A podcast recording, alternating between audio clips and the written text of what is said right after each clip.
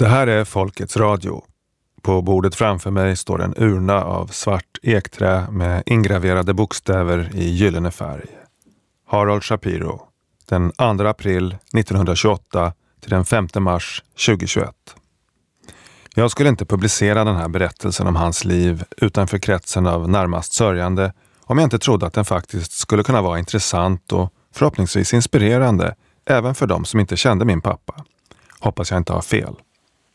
Kanske blir det lite av ett hyllningsporträtt, men så är det inte tänkt.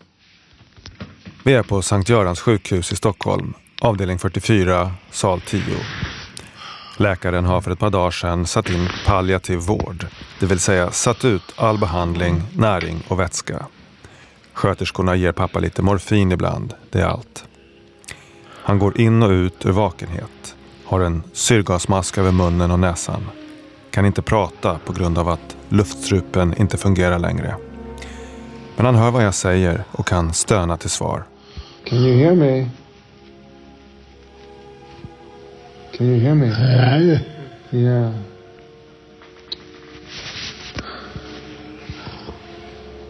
Victor Hugo har sagt att musiken uttrycker det som inte går att säga, men som det är omöjligt att tiga om.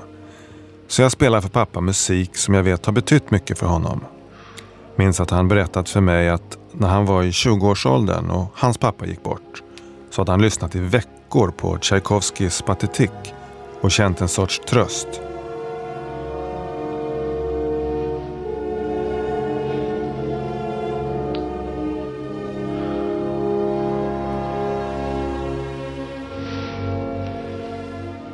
Det är torsdagen den 4 mars som ska bli pappas sista heldag i livet. Vi kramas, spelar musik och jag läser upp hälsningar från vänner och släktingar och forna doktorander. Vi började samtidigt på matematikinstitutionen på KTH september 1972. Palliativ vård är det närmaste dödshjälp vi har i Sverige. Det skänker en visshet som i det här fallet innebar att flera tog tillfället att skriva till pappa det som de annars kanske hade sagt vid en minnesceremoni där de sörjandes tal tecknar en bild av det liv som passerat. Vi har många fina minnen tillsammans. Och jag tänker med största värme och glädje tillbaka på alla lyckliga år vi har haft. Med varma hälsningar, Björn.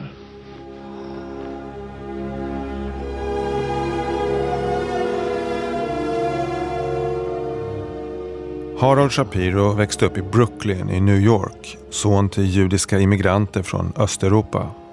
I början av 1900-talet, när hans mamma var liten flicka, hade hennes familj flytt från Kishinev undan förföljelser. Startskottet för uppbrottet blev den stora påskpogromen 1903 då många judar blev dödade och hennes pappa nästan ihjälslagen. Då var Kishinev en del av det ryska imperiet Nästan hundra år senare kom jag bo och arbeta några år i staden, som nu heter Chisinau och är huvudstad i Moldavien. En historiker hjälpte mig att söka igenom gamla dokument i polisens arkiv från den stora påskpogromen. Han frågade vad jag visste om den där brutala händelsen. Inte mycket, annat än att pappas morfar varit en ung man som då hette Moshi Kogan och att han blivit svårt misshandlad av tsarens kosacker och troligen blivit dödad om inte några kristna grannar hade burit in honom och gömt honom. Kruxet var bara att polisarkivet gav för många träffar. Det fanns inte mindre än 17 olika Kogans som hade blivit svårt misshandlade i Kishinev den där påsken. Och tre av dem med samma förnamn som pappas morfar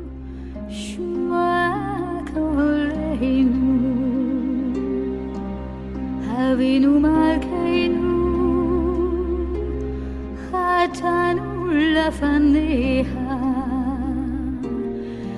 avinu malkeinu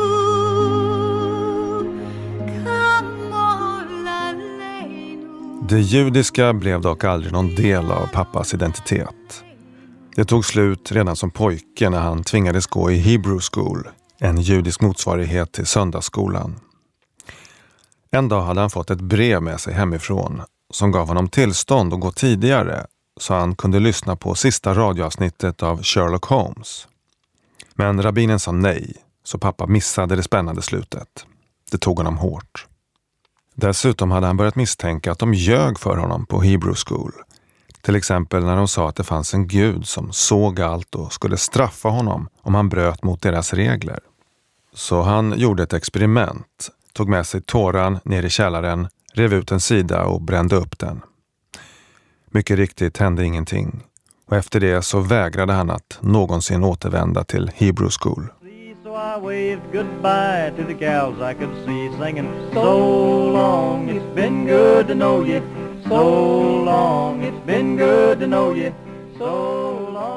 Han såg rakt igenom det självupphöjda tramset om att vara ett utvalt folk. Och han var allergisk mot Israels försök att kleta begreppet antisemitism på alla som kritiserar deras folkrättsbrott mot palestinier. Men kulturellt var han nog ändå lite färgad av sin bakgrund. Framförallt märktes det i hans humor. Han använde gärna jiddisch-begreppen schlemiel och schlamazer som är två personlighetstyper. Vid middagsbordet är det schlemielen som spiller soppa på schlamazen. Och en nudnik är en pain in the ass. Och schnörer betyder ungefär snåljåp eller snyltare. När jag var utbytesstudent i Sankt Petersburg var jag inneboende hos en äldre kvinna och hennes dotter. De hade det ganska knapert. Jag fick ett brev från pappa där han hade stoppat ner en extra slant. Se till att vara generös mot dem du bor hos, skrev han. Don't be a schnur. Och typiska skämt såklart, som den judiska släktträffen i New York där värdinnan sträcker fram kakfatet till en långväga släkting. Please have another cake. Well, they're really delicious, but I already had three. Well, you had four, but who's counting?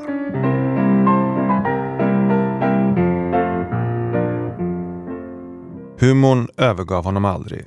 På sjukhuset några veckor innan han gick bort, när stämbanden knappt fungerade längre, försökte jag peppa honom med en hälsning från min bror och hans fru. I can send, you can send regards to Max and to Maya and his family.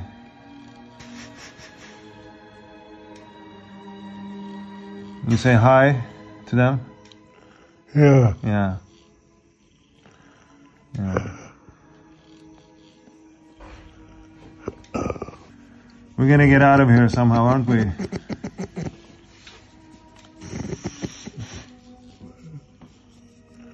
I don't understand. We're gonna get out of this hospital somehow. Oh. Dead or alive. Alive.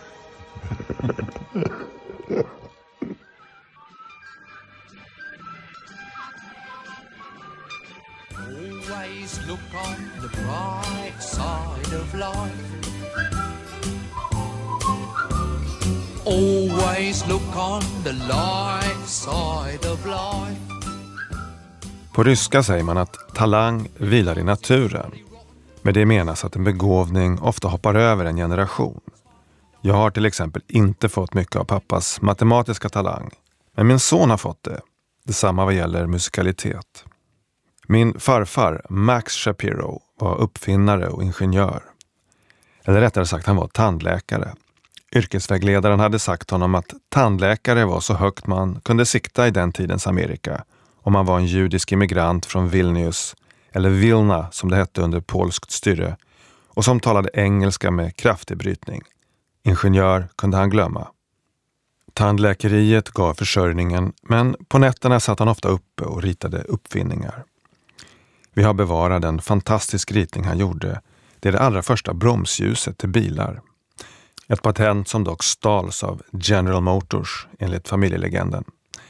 I vilket fall, min pappa brukade bli nästan rörd när han berättade om hur hans sedan länge hädangångne far en gång hållit upp ett vackert armbandsur och sagt du ska veta hur svårt det är att göra en sån här klocka. Men att förstöra den, det kan vilken idiot som helst göra. Jag tänker att det är en ganska fin metafor också för den industriella förstörelsen av naturen.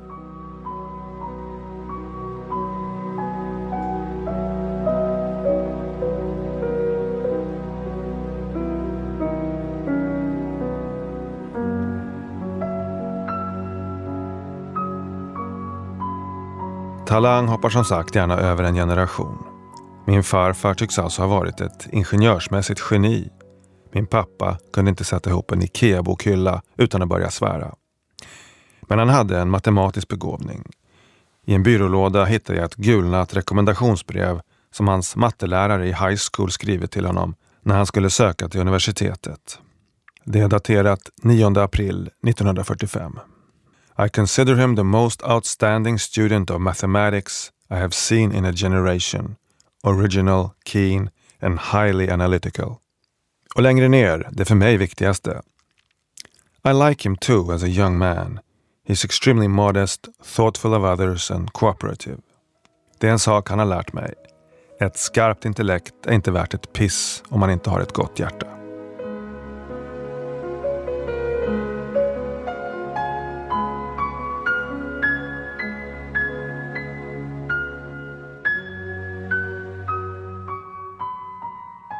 Pappas karriärväg var inte spikrak.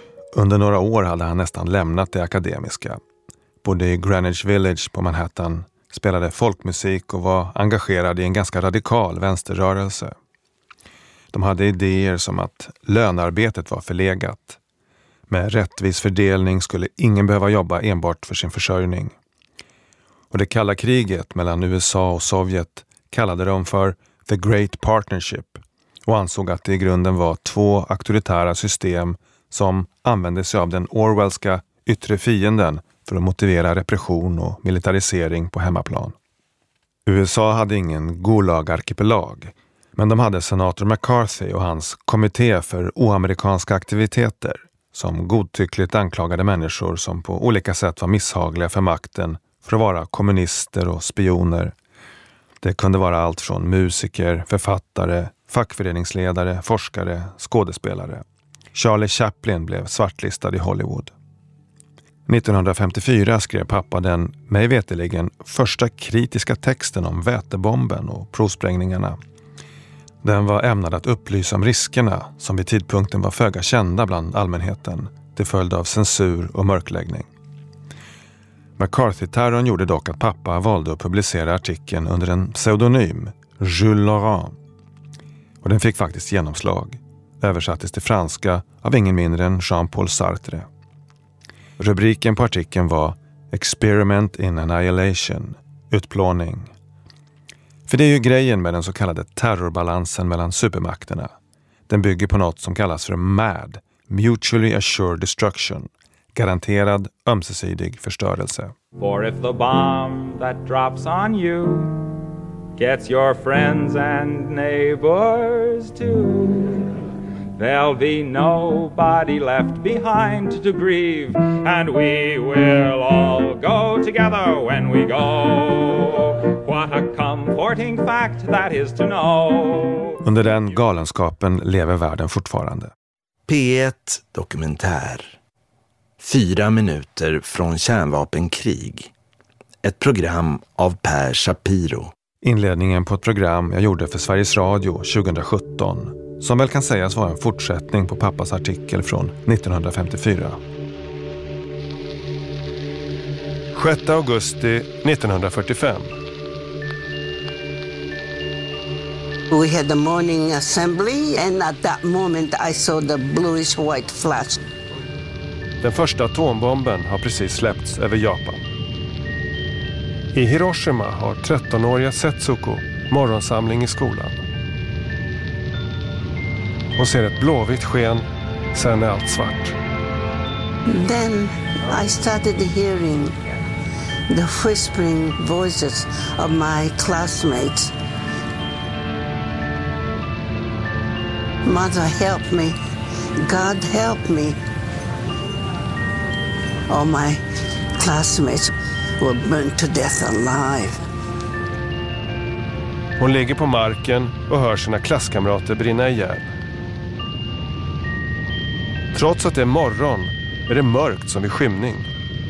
Hon ser hur det rör sig där ute i dunklet. It was like a procession of ghosts. I say ghosts because they simply did not look like human beings. Människor som överlevt men inte ser ut som människor. De är uppsvällda som ballonger. Their skin and flesh were hanging, and parts of the bodies were missing. Some were carrying their own eyeballs. Kroppsdelar har smält och hänger i slamsor. En del bär sina ögon i händerna. I dokumentären intervjuade jag också min bror, Max Tegmark, som hade engagerat sig för att FN det året skulle besluta om ett förbud mot kärnvapen. Ja, det här är ett öppet brev som 3000 forskare från 84 olika länder har skrivit under, inklusive 29 nobelpristagare. För att stödja FNs försök att få till stånd till kärnvapennedrustning. Ja, jag känner att jag som fysiker har ett extra stort ansvar för kärnvapen. För det var ju fysiker som uppfann dem. Så vi har en skyldighet att varna alla andra människor om hur sjukt det här systemet är vi har just nu. Omröstningen om ett kärnvapenförbud har precis genomförts. Förbudet röstades igenom i FN. Men konventionen blir inte starkare än det antal länder som skriver under. Max sa att hans stolthet över att vara svensk fick sig en rejäl törn när regeringen beslutade att inte underteckna. Det räckte tydligen med en sträng förmaning från Washington för att Sveriges regering skulle lägga sig platt. Och jag vill vara mycket bestämd och tydlig på den punkten att Försvarsminister Peter Hultqvist i SVTs Agenda. inget får ske som i någon mening rubbar våra försvars och säkerhetspolitiska samarbeten. Du fick ett brev från den amerikanska försvarsministern eh, där man uppmanar Sverige att inte skriva under. Ha, har Sverige fallit för ett tryck här från USA? Vad som står i ett sådant brev, det är sekretessbelagt och det kan jag uttala. Stämmer inte det jag säger? Vad som stämmer och inte stämmer, det är ingenting jag tänker varken bekräfta eller dementera därför att det är ett sekretessbelagt brev. We will all burn together when we burn. There'll be no need to stand and wait your turn. When it's time for the fallout and St. Peter calls us all out, we'll just drop our agendas and adjourn. We will all go together when we go. Every Hottentot and every Eskimo. When the air becomes Uranus, we will all go simultaneous. Yes, we all will go together when we all go together. Yes, we all will go together when we go. Med tiden ledsnade pappa på vänsterrörelsen som hade många idealister men också gott om enögda besserwissers. När man blickar tillbaka kan man fråga sig vad i ett liv som varit slump och vad som varit ödesbestämt. Vi är framme vid andra halvan av 50-talet. Pappa var ungkar, tjänade ganska bra och åkte gärna på semesterresor till Europa. Hade lärt sig franska, tyska och lite ryska. En dag meddelade resebyrån att pappas bokade kryssning till Holland tyvärr blivit inställd på grund av en strejk. Men de kunde istället erbjuda honom att besöka Norge. Det tackade han ja till. Men när fartyget närmade sig var det för mycket is på havet så istället erbjöds passagerarna att få gå i land i Göteborg. Pappa blev hänförd, tyckte svenskarna var så vänliga och kanske kändes det ganska oskuldsfullt också som kontrast till det rätt så tuffa New York han vuxit upp i. I Göteborg var det nästan, har han sagt, som att man kunde lägga plånboken på marken på järnvägsstationen och så skulle den ligga kvar där nästa dag.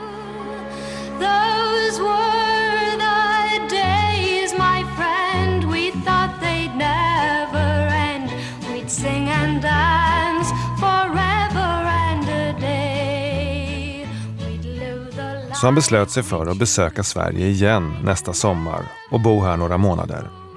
Så en kväll gick han på dans på Stockholms universitet. Bjöd upp en lång blondin som hade skolkat från kvällskursen i filosofi. Pappa drog en klyscha. There's a lot of people here tonight. Yeah, svarade hon. Collective loneliness. Det var min blivande mor. Det tog ett tag innan de stadgade sig. Pappa var på konferens i Moskva när han fick ett telegram från henne. Two played Russian roulette. Two became three. Det var min blivande bror.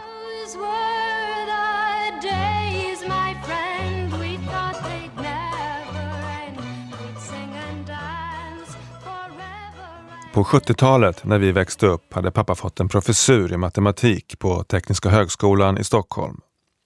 Det var ett ämne som jag tyvärr aldrig kunde dela riktigt med honom. Jag har helt enkelt inte den gåvan. Men han berättade mycket om matematiken, om den skönhet han kunde finna där. Som vi ska komma till blev det också en värld han senare kunde uppsöka och finna tröst i när sjukdom hade berövat honom på de flesta av livets glädjeämnen. Ett gåtfullt citat har lagt sig på mitt minne. Pappa berättade om det ungerska geniet Janos Bolyai som i sin ungdom, när han upptäckt njutningen i att försjunka i matematikens magi, skrivit ett hänfört brev till sin far. Father, out of nothing I have created a whole world. Flera av pappas doktorander blev hans trogna följeslagare livet ut. Allt detta ska jag alltid bära i mitt minne. Några av dem skickade brev som de ville jag skulle läsa upp den där sista dagen på sjukhuset. Jag känner mig nästan som en av dina söner. Mina barn har hört så många historier om dig. Och även de kommer att bära många fina minnen av dig när jag själv inte finns kvar. På så vis överlever vi oss själva lite grann. Men sorg är ett högt pris vi måste betala när de vi älskar lämnar oss. Din vän Lasse.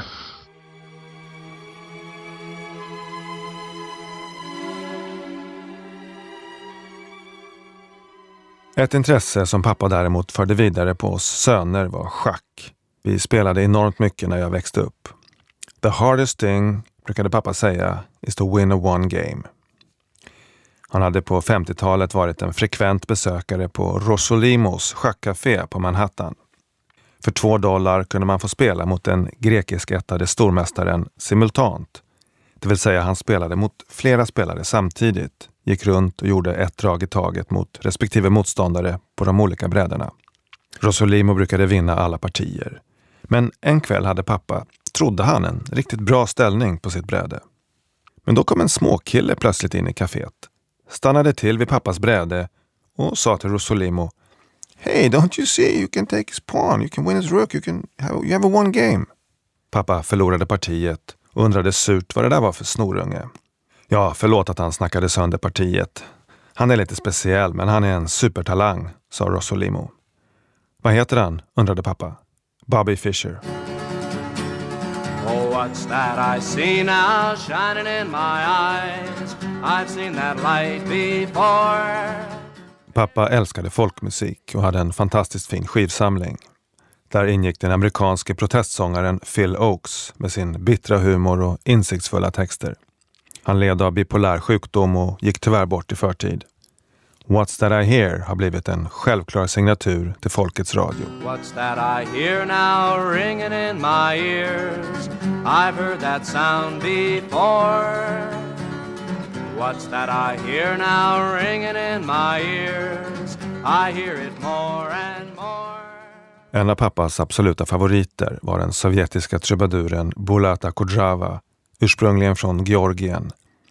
Hans pappa hade avrättats under de stora utrensningarna på 30-talet och mamman fick spendera 18 år i fångläger. Men Akudjavas visor präglas sällan av bitterhet eller hat. Han är betraktaren, vittnet som ser allt som pågår, men utan att döma eller moralisera. Kritiken mot tyranniet finns där ibland, men subtilt mellan raderna. Мессершмитты, как вороны, разорвали на рассвете тишину.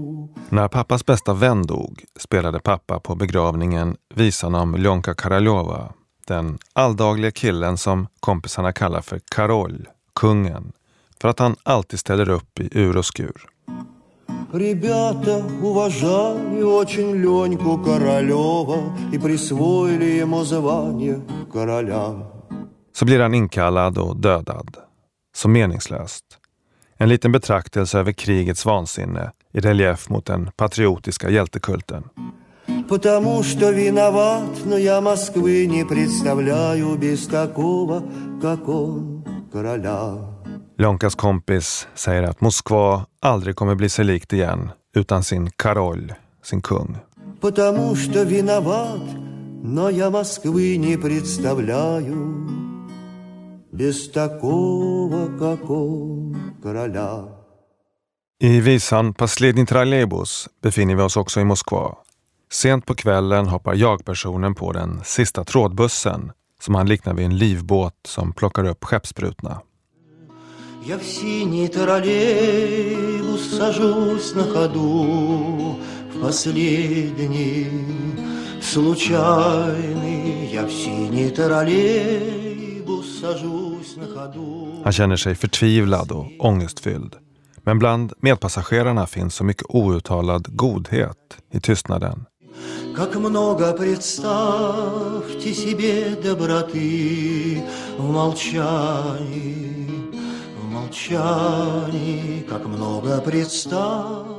De liknas vid matroser som kommer till undsättning. Även här en subtil kritik. Officiellt fanns det ju inga som mådde dåligt i det sovjetiska lyckoriket. Och hjälpen finns att få från de enkla medresenärerna utan höga titlar eller partibeteckningar. И боль, что скворчонком стучала в виске Och huvudvärken som bankat som en hackspett i tinningen hela dagen släpper till sist. Скворчонком стучала в виске Стихает, стихает Follow your path and let the people talk. Citatet tillhör Dante. Pappa sa det till mig och min bror om vi någon gång tvekade att följa vårt hjärta inom våra respektive områden. Follow your path and let the people talk. Han tyckte om citat, skojade med mig en gång om journalistens ständiga kamp mot Goliat med en rad ur Hamlet. Time is out of joint. Oh cursed spite that ever I was born to set it right. När min bror, som då hette Max Shapiro, började etablera sig som fysiker i USA blev hans publikationer ofta ihopblandade med andra Shapiros. Han frågade pappa om det kändes okej okay att han bytte till mammas efternamn som ogift, Tegmark. Lite trist tyckte pappa att det var, men ryckte på axlarna med ett Shakespeare-citat. What's in a name? Max Tegmark har kommit att bli fysikprofessor på MIT och en av världens mest kända forskare, i alla fall med svensk härkomst. Hur blev han det egentligen? Ett otroligt driv såklart, men själv har han sagt att barndomen spelade en viktig roll. Vi kanske får några nycklar till förståelse från en insändare som pappa skrev till Dagens Nyheter i mitten av 70-talet. Att vara pappa är det bästa som finns, lyder rubriken. Vi ska röra oss lite mellan den texten och Max tal på minnesstunden efter att pappa gått bort.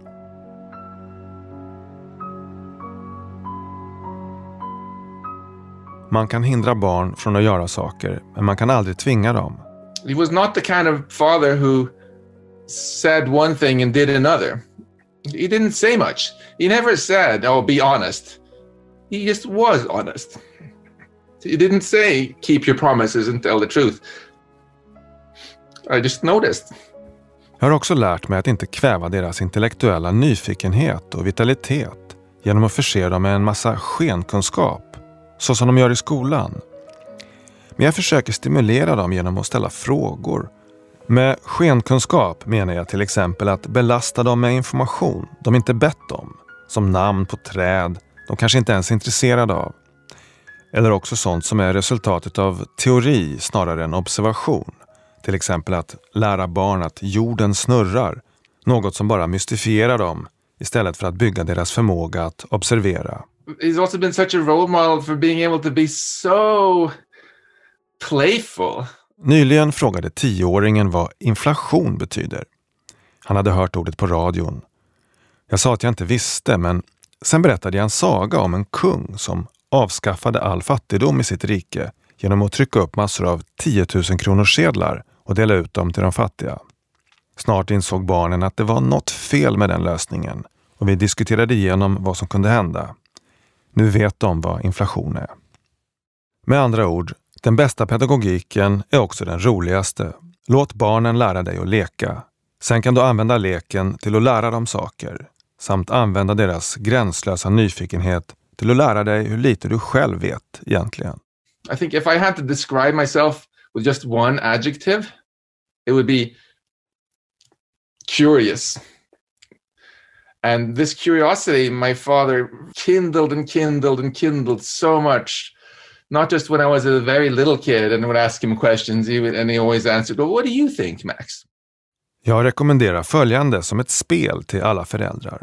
Välj något ämne, Till exempel varför det blir dag och natt omväxlande. Eller hur världen började. Eller varför vi inte kan flyga. Och diskutera med barnen. Utan att bombardera dem med kunskaper som du vet inom citationstecken därför att du har läst någonting eller kan några ord som tyngdlagen. Plötsligt står du där på samma nivå med dem och du kommer att häpna över deras fantasi, observationsförmåga och uppfinningsrikedom. Låt dem förklara för dig varför månen inte alltid är rund. and the curiosity that's helped me so much in my in my career i'm so grateful also to to my father so even though i'm sitting here tearing up again missing him of course greatly and so on en gång tittade vi på stjärnhimlen när äldsta sonen var fyra år. Jag frågade, den där planeten Jupiter, den ligger ju så himla långt bort. Hur kan vi egentligen veta att den heter så? Någon vecka senare kom han springande. Pappa, pappa, det är ju vi som kallar den för Jupiter. Det är ju så vi vet det. i'm quite confident that as as time pass more time passes the number one feeling in addition to the love that i'm going to have with me is going to be this incredibly strong gratitude Tack, pappa.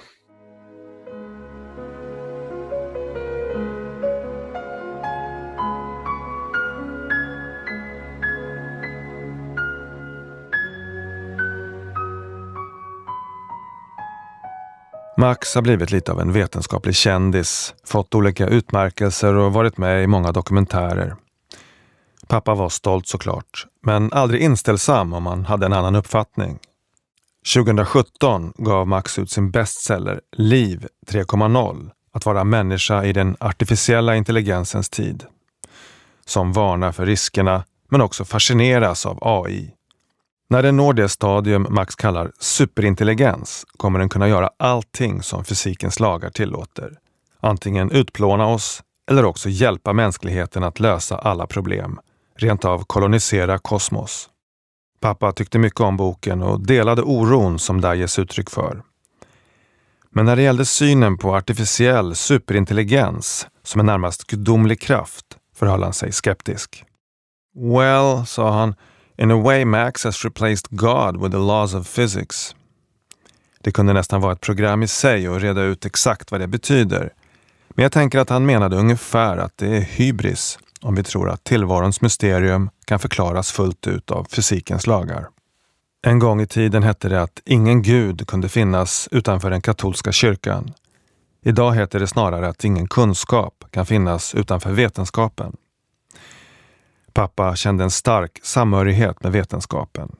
Men ytterst såg han livet och världen som ett mysterium som vare sig våra vetenskapsmän eller våra artificiella gudar någonsin kommer till fullo förstå eller bemästra.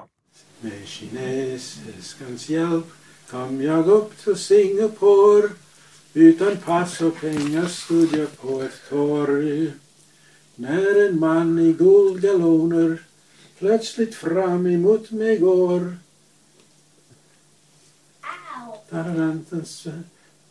Sveriges, Sveriges konsulkapten Fredrik Adelborg. Pappa spelade gitarr och sjöng folkmusik. Tyvärr är den enda inspelning som finns bevarad från när han redan var gammal. Här lär han ut Möte i monsunen till ett barnbarn. Snart blev luckorna bräckta och upp kom många djur. Vår kommandobrygga den gick över bord. Vilken? Vår kommandobrygga, Oh. den gick över bord. Det är där vi står och styr skeppet. Pappa gick aldrig på SFI. Han lärde sig svenska av sin familj och av Evert Taube och Nils Ferlin. Ack ensam i kvällen den sena Jag slåss med en smäktande vall Visan En valsmelodi handlar om brödskrivaren som sitter uppe i kvällen den sena och slåss med en smäktande vals. Pappa tyckte den fångade precis hur han själv kunde känna sittande sent uppe med något hopplöst matematiskt problem. Jag har ingenting alls här i världen att vinna och snart i min grop skola maskarna finna att jag är ganska mager om bena tillika om armar och hals Pappa var en intellektuell, men han var också en total antisnobb som avskydde höga hästar, pretensioner och titelsjuka. Han kunde skämta om den judiska mamman som ser hur sonen håller på att drunkna. Help! My son, the doctor, is drowning! Han trivdes bäst bland vanligt folk, långt borta från status och prestige. På somrarna när jag växte upp brukade vi hänga på vad han kallade för Café Riksby. Det var en liten tennisbana i de mindre fashionabla delarna av Bromma. En finsk pensionär hade fått tillstånd av kommunen att med egna resurser asfaltera en liten grusplätt, dra linjer och sätta upp ett nät. Den var gratis för alla men låg lite undangömd så det var inte många som kände till att den fanns. Parker, som finnen hette, hade en regel. Om någon väntade fick man spela max tre gem. Sen fick man låta de andra spela eller bjuda in dem till dubbel. Det var en brokig skara ur alla åldersgrupper, etniciteter och med olika social bakgrund som träffades och spelade på Café Riksby. Pappa brukade spela mot en pensionerad konsertpianist som hette Gino. Två gubbar som njöt av att svettas med bara överkropp i sommarvärmen, utan tennisens klädkoder och som hade ungefär jämndåliga backhandslag. Så kommer jag ihåg Laszlo och Uffe som drack medhavd starköl vid sidbytena. Någon gång ibland kunde det uppstå något tjafs men det löste sig nästan alltid i vänlig anda på Café Riksby. Det fanns en ung jugge som kallades Mato som var bland de bästa, men som ofta svor och slog racketen i nät när han missade. Gino sa till honom Du måste lära dig att förlora. Vi italienare vet hur man förlorar. Vi förlorade ett krig.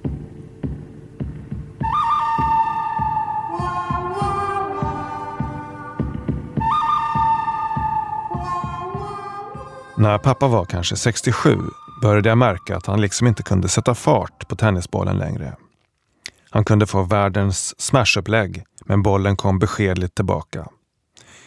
Det var första tecknen på Parkinson, en neurologisk sjukdom med progresserande muskelförlamningar som han skulle få kämpa mot i uppförsbacke resten av sitt liv.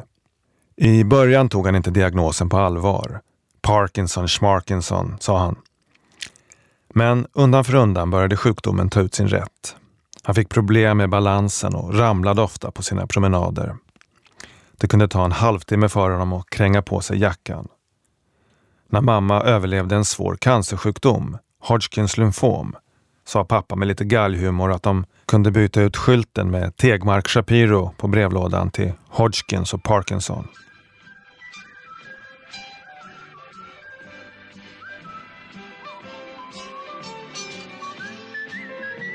Precis som vi alla hade han sina fel och brister.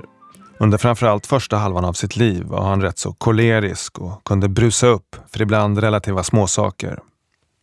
Men hans temperament förändrades under de sista 20 åren. Det var på något sätt som att han ville utmana sig själv. Om jag inte längre kan göra snart någonting av det som jag brukat, så ska jag åtminstone ta mitt lidande så stoiskt som möjligt.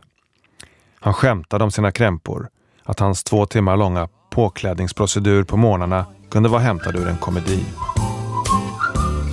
Always look on the light side of life. Han ramlade allt oftare, började använda rollator, kunde gå med samma kläder i en vecka för att det var så jobbigt att byta. Jag minns hans år mellan 80 och 90 som ett enda långt pärlband av nödutryckningar till akuten, njursvikt, en kateter som ledde till 51 urinvägsinfektioner och även blodförgiftningar och flunsor och lunginflammationer. Han tappade nästan alla sina tänder men hade en framtand kvar och kunde med den tugga, som han sa, likt en gnagare. Så hösten 2018 drabbades han av akut tarmvred. Han var medvetslös när vi kom in till Sankt Göran.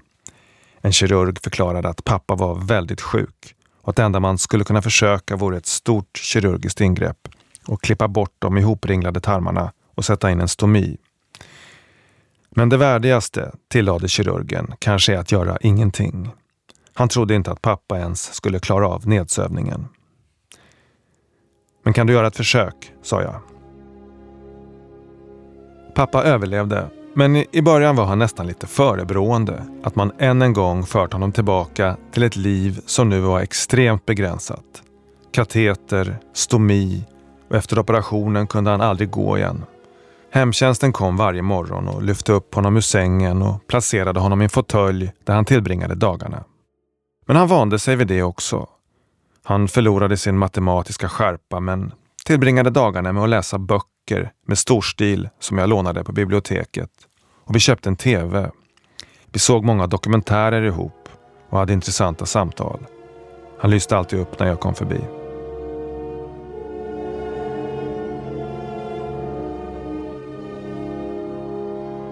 Efter hans död hittade jag i en byrålåda en dikt han skrivit när han kanske var runt 50. Life Insurance heter den. I had money saved, my affairs were in order and my loved ones are entitled to Swedish social welfare, so I don't need death insurance. But life insurance, what if I don't die? What then?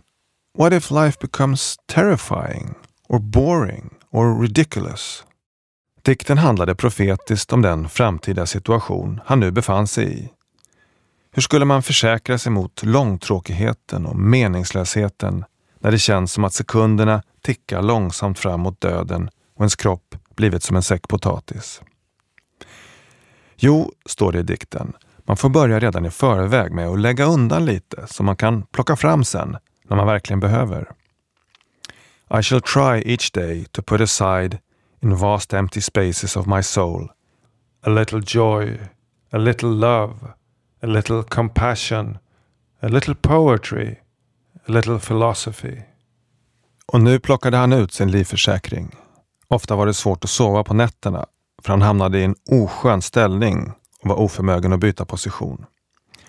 Så hur fördriver man en sömnlös natt i en obekväm ställning tills hemtjänsten kommer klockan åtta på morgonen?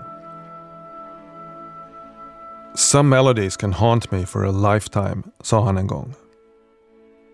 Han berättade att han, för att ta sig igenom den plågsamma natten, nynnat en sekvens av Schubert och rullat den fram och tillbaka i olika variationer ända till gryningen.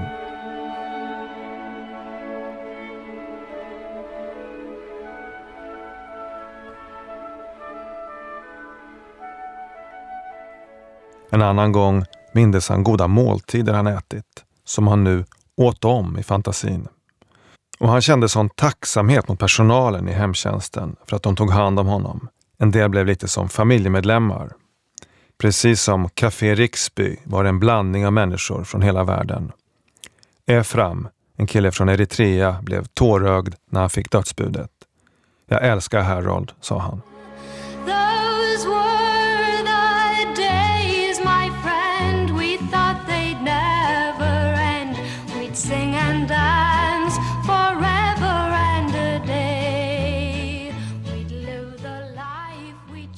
Båda mina föräldrar blev helt invalidiserade och de sista åren tillbringade de i varsitt rum.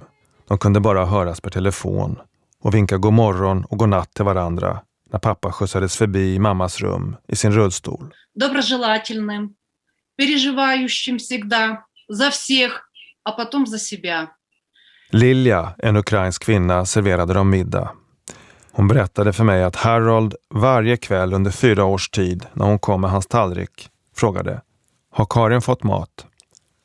Först efter att hon bekräftat att hans hustru fått sin middag lät han sig själv serveras och matas.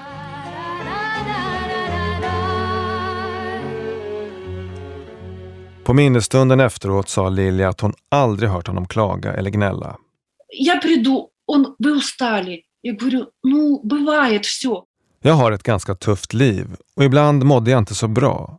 Men så när jag kom till Harold på kvällarna och han hade glimten i ögat, И вот так посмотрю на него и думаю, да что же он? då fick jag också min livslust tillbaka. Я говорю, я смотрю на вас, жить хочется. Sista månaderna var det som att till och med pappas livförsäkring började på att ta slut. Han drabbades av hostanfall som aldrig tycktes gå över.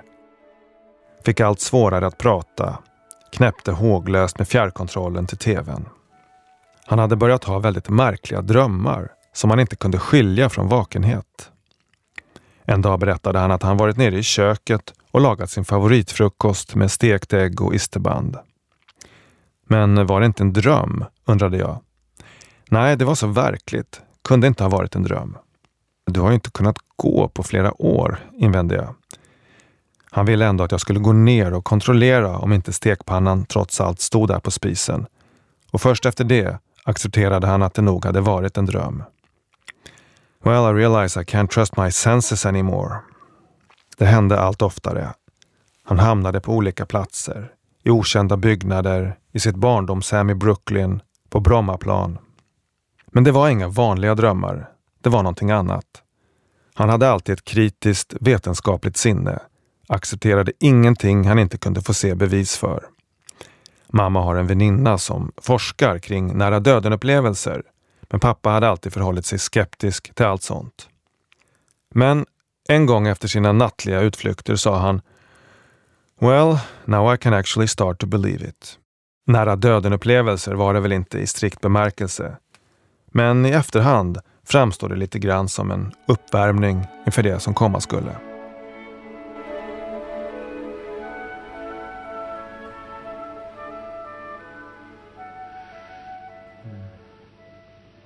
Efter att ha vårdats nästan fyra veckor på infektionskliniken på Sankt Göran stod det klart att hans strupe inte fungerade längre.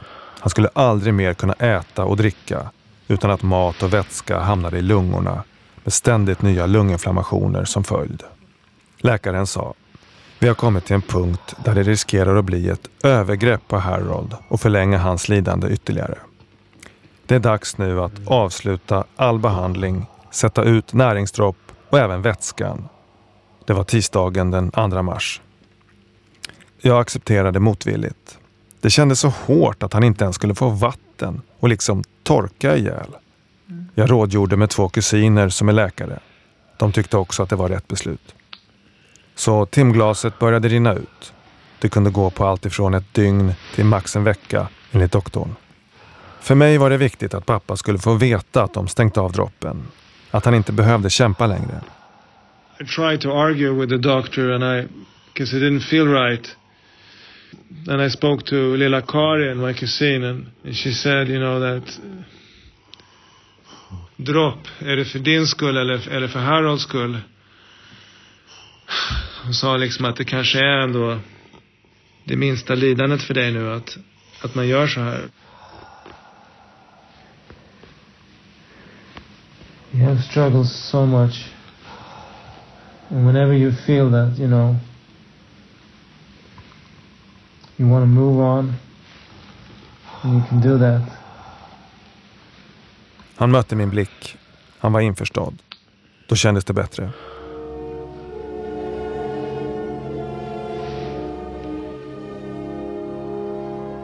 Vi fick som sagt en sista magisk dag tillsammans. I smyg gav jag honom lite, lite vatten från en sked.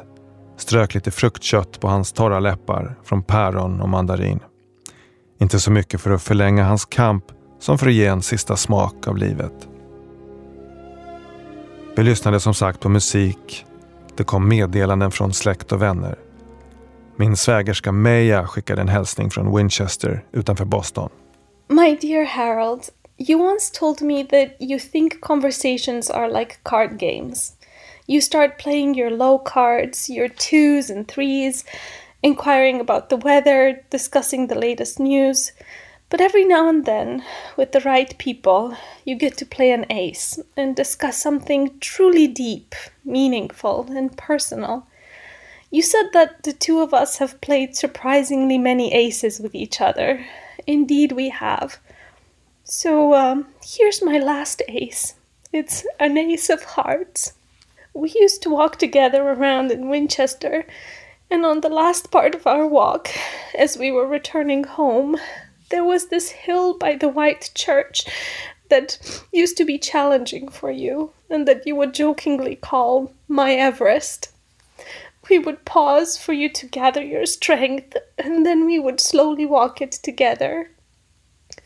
There's nothing I'd like more than to be there with you right now and hold your hand as you're slowly walking up one last exhausting Everest. But if love conquers age differences and time, it can also conquer physical distance. My dearest friend, my dear, dear father in law, I love you. You will always have a home in my heart.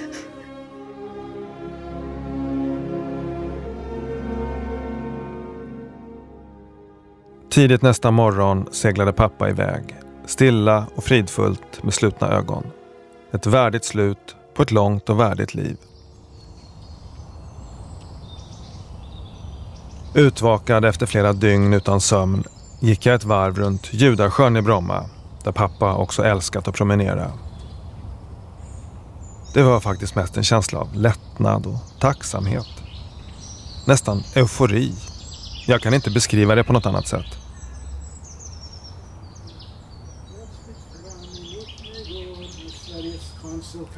Fredrik Adelborg. Dag, Fritiof Andersen, säger Adelborg. Vad i Herrans namn gör du i Singapore? Jag kom upp från Gylefloden och jag vill till Göteborg. Det är bäst nog att en hyra hem jag får. Pilotavsnittet av Folkets Radio hann jag spela för pappa och han uppmuntrade mig som han alltid har gjort. Och jag vill passa på att tacka alla ni som lyssnar. En del av er har till och med hört av er med erbjudande om att bidra ekonomiskt. Just nu behövs inte det, men jag återkommer gärna den dagen behovet finns. It's only money, som farsan brukade säga. The best things in life are free, sa han ofta. What's that I hear now ringing in my ears? I hear it more and more. När vi ändå är inne på det temat, så låt oss ge sista ordet till en av hans matematiska kollegor, Dimitri Chavinson, från minnesstunden efteråt. Han he had this fantastic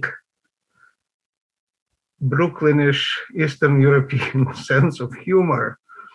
Uh, we were sitting in a restaurant, uh, it was in early 90s, so almost 30 years ago. And we asked for another bottle of wine, and they came back, and all of a sudden they said, We ran out of red wine. Then, okay, we, we asked for more bread, and uh, they came back and said, We ran out of bread. And Harold immediately quipped, Next time they come, we'll tell them we ran out of money. It's the sound of freedom calling, ringing up to the skies. It's the sound of the old ways of falling. You can hear it if you try. You can hear it if you try.